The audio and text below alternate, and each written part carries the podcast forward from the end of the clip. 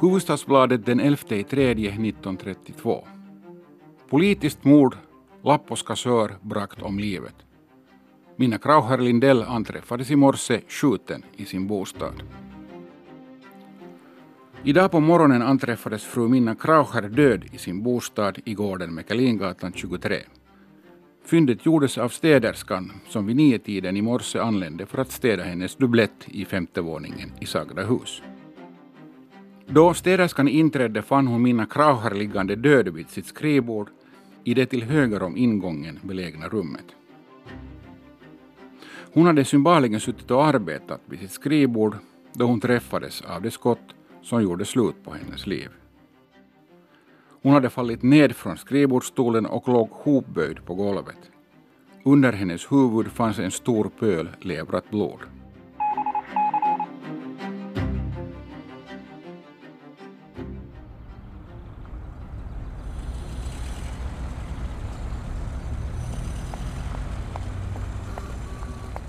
När Minna Kraucher återvänder hem från Paris våren 1928 är hon trött på sina litterära vänner. Olavi Paavolainen har fegt smitit ifrån henne vid Hotel Suédé där hon hotat att antingen skjuta honom eller demolera hans ansikte.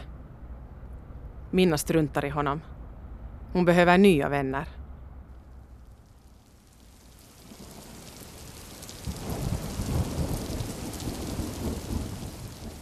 En regntung dag i maj år 1930 stiger Minna Kraucher in på Lapporörelsens huvudkontor. Lapporörelsen är det trendigaste i Finland just nu. Och vill man synas måste man rida på trenderna. Hon stiger in med en hälsning från sin goda vän general Mannerheim. Detta får önskad effekt eftersom ingen kan veta att hälsningen bara är en fantasi i Minnas huvud. Mannerheim kunde desto mycket väl ha skickat en hälsning eftersom han åtminstone i början förhöll sig vänligt sinnad till Lapporörelsen. Statsministern och den blivande presidenten, P.E. Svinhuvud, är även han positivt inställd till rörelsen.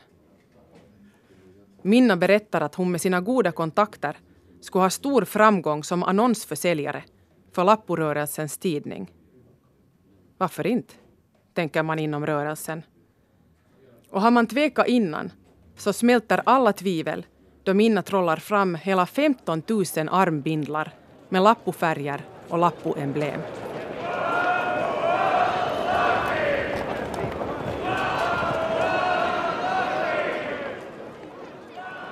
Den 7 juli 1930 vid middagstid startar 12 000 deltagare en marsch från bollplanen i Töle.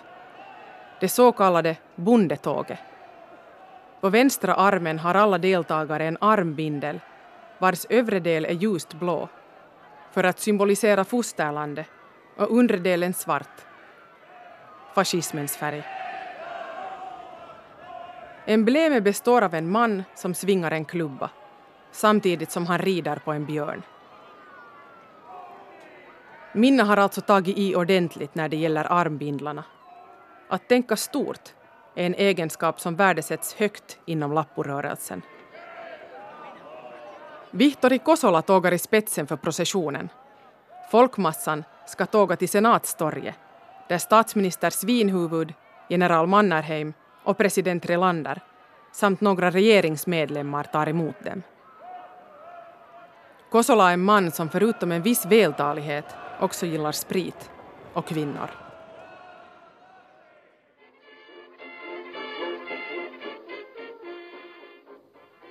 Minna försöker tänka bort lukten och känslan av Vihtori. Hon stirrar på de klumpiga möbelkopiorna som finns i rummet. Trots att Vihtori Kosola är bonde och stolt över det vill han ändå härma den rika smaken. Men hela han är och förblir en obildad, smutsig suput och Minna äcklas av honom. Han påminner om män från barndomen och männen hon träffade i Tammerfors. Det här är första gången hon känner att hon inte bara prostituerar sin kropp utan också sin själ. Hon är värd bättre än det här. Kosola belägrar henne som en gris. De är båda grisar. Men må så vara. Minna vet att Vihtori är hennes enda säkra kort just nu. Han håller på att bli förälskad. Och han har stor makt inom Lapporörelsen. Just nu är han dessutom den enda som inte är öppet misstänksam mot henne. Minna blundar och försöker tänka sig bort från situationen. Hon låtsas att hon är Vihtoris fru som sover i nedre våningen. Vihtoris glada, ovetande fru som säkert ätit sig mätt ända sedan barnsben. Minna börjar sälja annonser över hela landet. En del av intäkterna ska gå till rörelsen och tidningen. En annan, större del, ska gå till Minna själv. Om några turer i svinstian med Kosolo är vad det kostar. Ja, då må det vara så.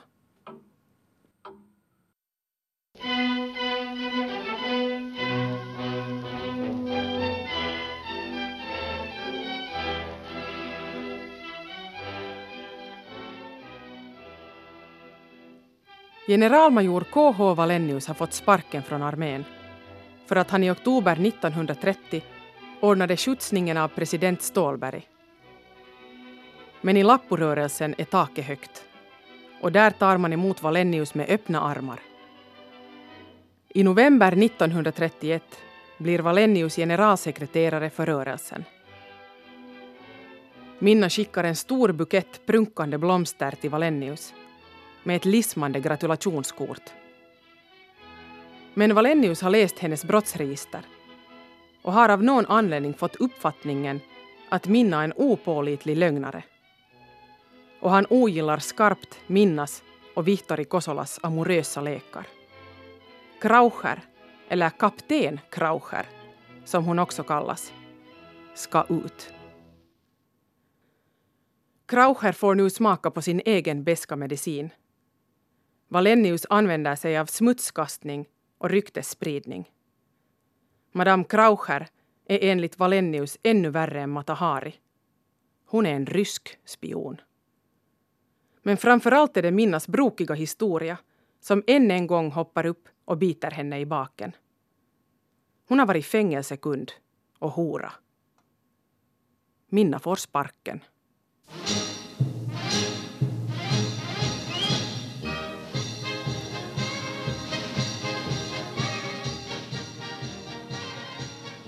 Minna tar inte bakslagen med jämnmod. Hon går till frontalattack. Minna talar vitt och brett och om hon sitter inne med känslig, komprometterande information om Valenius och Lapporörelsen. Valenius vill bli diktator och planerar en statskupp.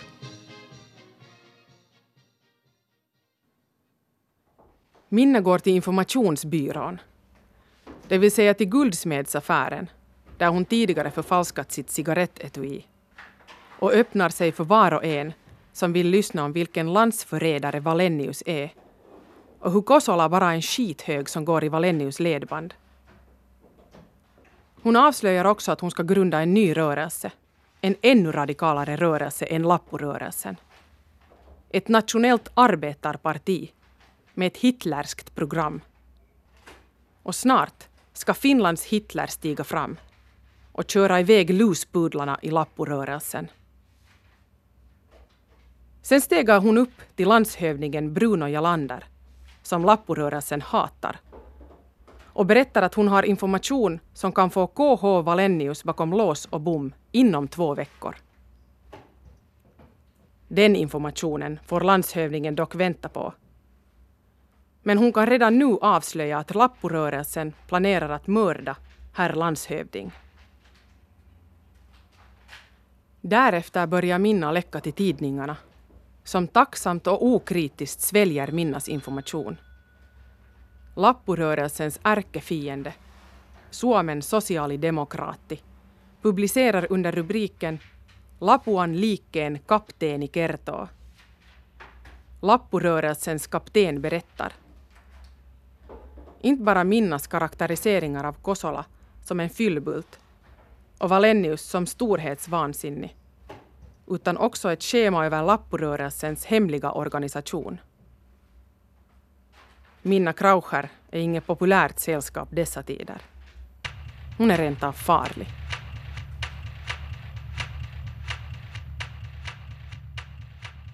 Den 26-årige ekonomen Olavi Runolinna är en klen man som växt upp i skuggan av sin framgångsrika storebror Arne. Arne har fixat ett tillfälligt jobb åt honom på sin firma. Olavi har drömt om en karriär inom militären, men Försvarsmakten vill inte ha honom. Olavis hälsa är bräcklig. Han har ett dåligt hjärta, sköra lungor och svaga nerver. Han är lynnig och har ett häftigt temperament. Och han älskar lapporörelsen. Olavi Runolinna är bekymrad över Minna Krauchers svärtande av lapporörelsen. Han erbjuder sig att ta hand om henne. Han tänker sig en skjutsning till gränsen.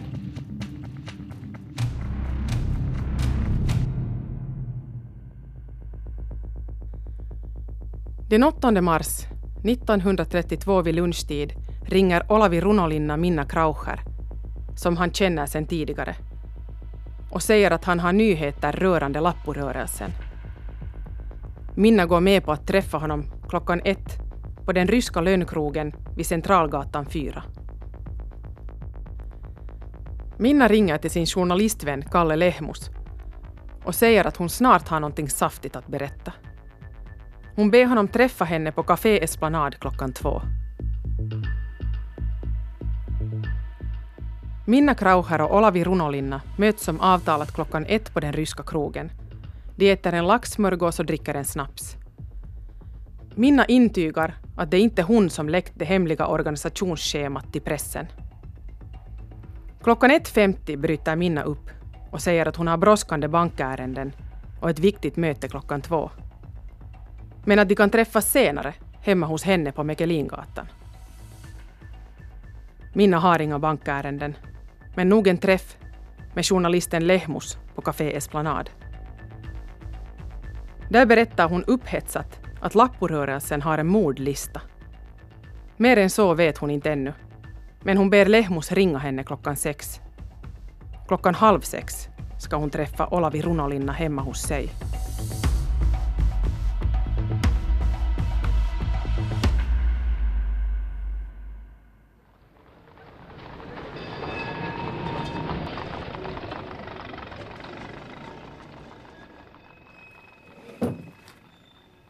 Hon har vänt ryggen mot Runolinna. Trots att hon bara för några minuter sen såg livrädd ut. Svettiga hårslingor krullar vid hennes nacke. Har hon plötsligt börjat lita på honom? I så fall kommer det att kosta henne dyrt. Det här är första gången hon inte kommer att kunna dupera sin fiende. Vända hotet bort från sig själv och rikta det mot någon annan. Men ännu några minuter innan döden försöker hon. Hon rullar en penna mellan fingrarna och tar fram ett pappersark. Hon säger att finanserna igen är dåliga. Att det bästa nu vore att idka utpressning mot översten. Han kommer att betala och hon kommer att klara sig. Hon skrockar berusat för sig själv sätter sig ner vid skrivbordet och börjar skriva ett brev. Herr överste. Jag har tappat meddel... Det är då Olavi Runolinna vet att han kommer att göra det. Kvinnan är ett monster. Han tar fram pistolen. Han siktar mot hennes nacke. Han trycker av. En gång. En gång till. Det behövs två skott för att döda kvinnan som är två. Horan Maria Wilhelmina Lindell och adelsdamen Minna Kraucher.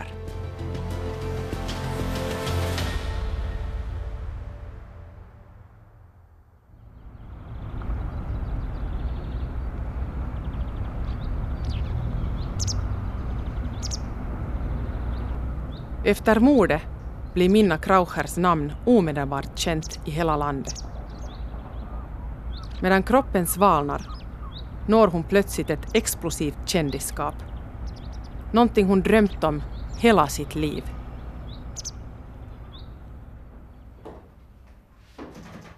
På Söderströms förlag sitter Mika Valtari och arbetar med en översättning.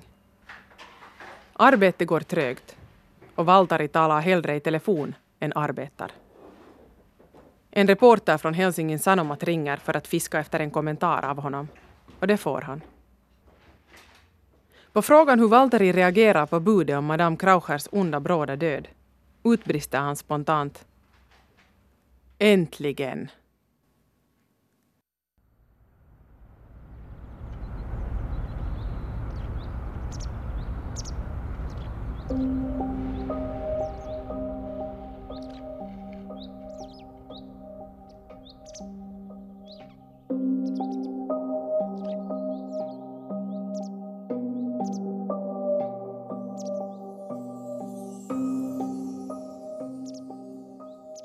Du har lyssnat på den tredje och sista delen av Svenska Yles krimpodd Adelsdamen och horan. Manus och regi Anne Hietanen. Ljuddesign och klipp Anne Heikkilä. Dramaturgi Are Nikkinen, Staffan von Martens och Anne Hietanen. Berättare Cecilia Paul. Med uppläsning medverka Staffan von Martens Anne Heikkilä och Max Salomaa. Från Esbobygdens ungdomsförbunds teatergrupp under ledning av Petra Norrgård medverka Antonella Hultén, Alva Eriksson, Linus Stjernberg, Matei Hera, Nelli Kuuluvainen, Julia Koll och Linn Heinänen. Ett stort tack går till Gun Grönros på Brages pressarkiv. Berättelsen om Minna Kraucher är fiktion som baserar sig på verkliga händelser. Vi har försökt hålla oss så nära de historiska händelserna som möjligt men när det kommer till Minnas själsliv och hennes unga älskares känslor har vi tillåtit oss att spekulera fritt.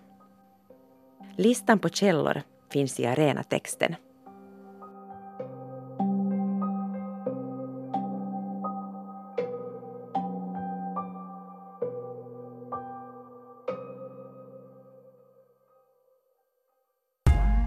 En podd från svenska YLE.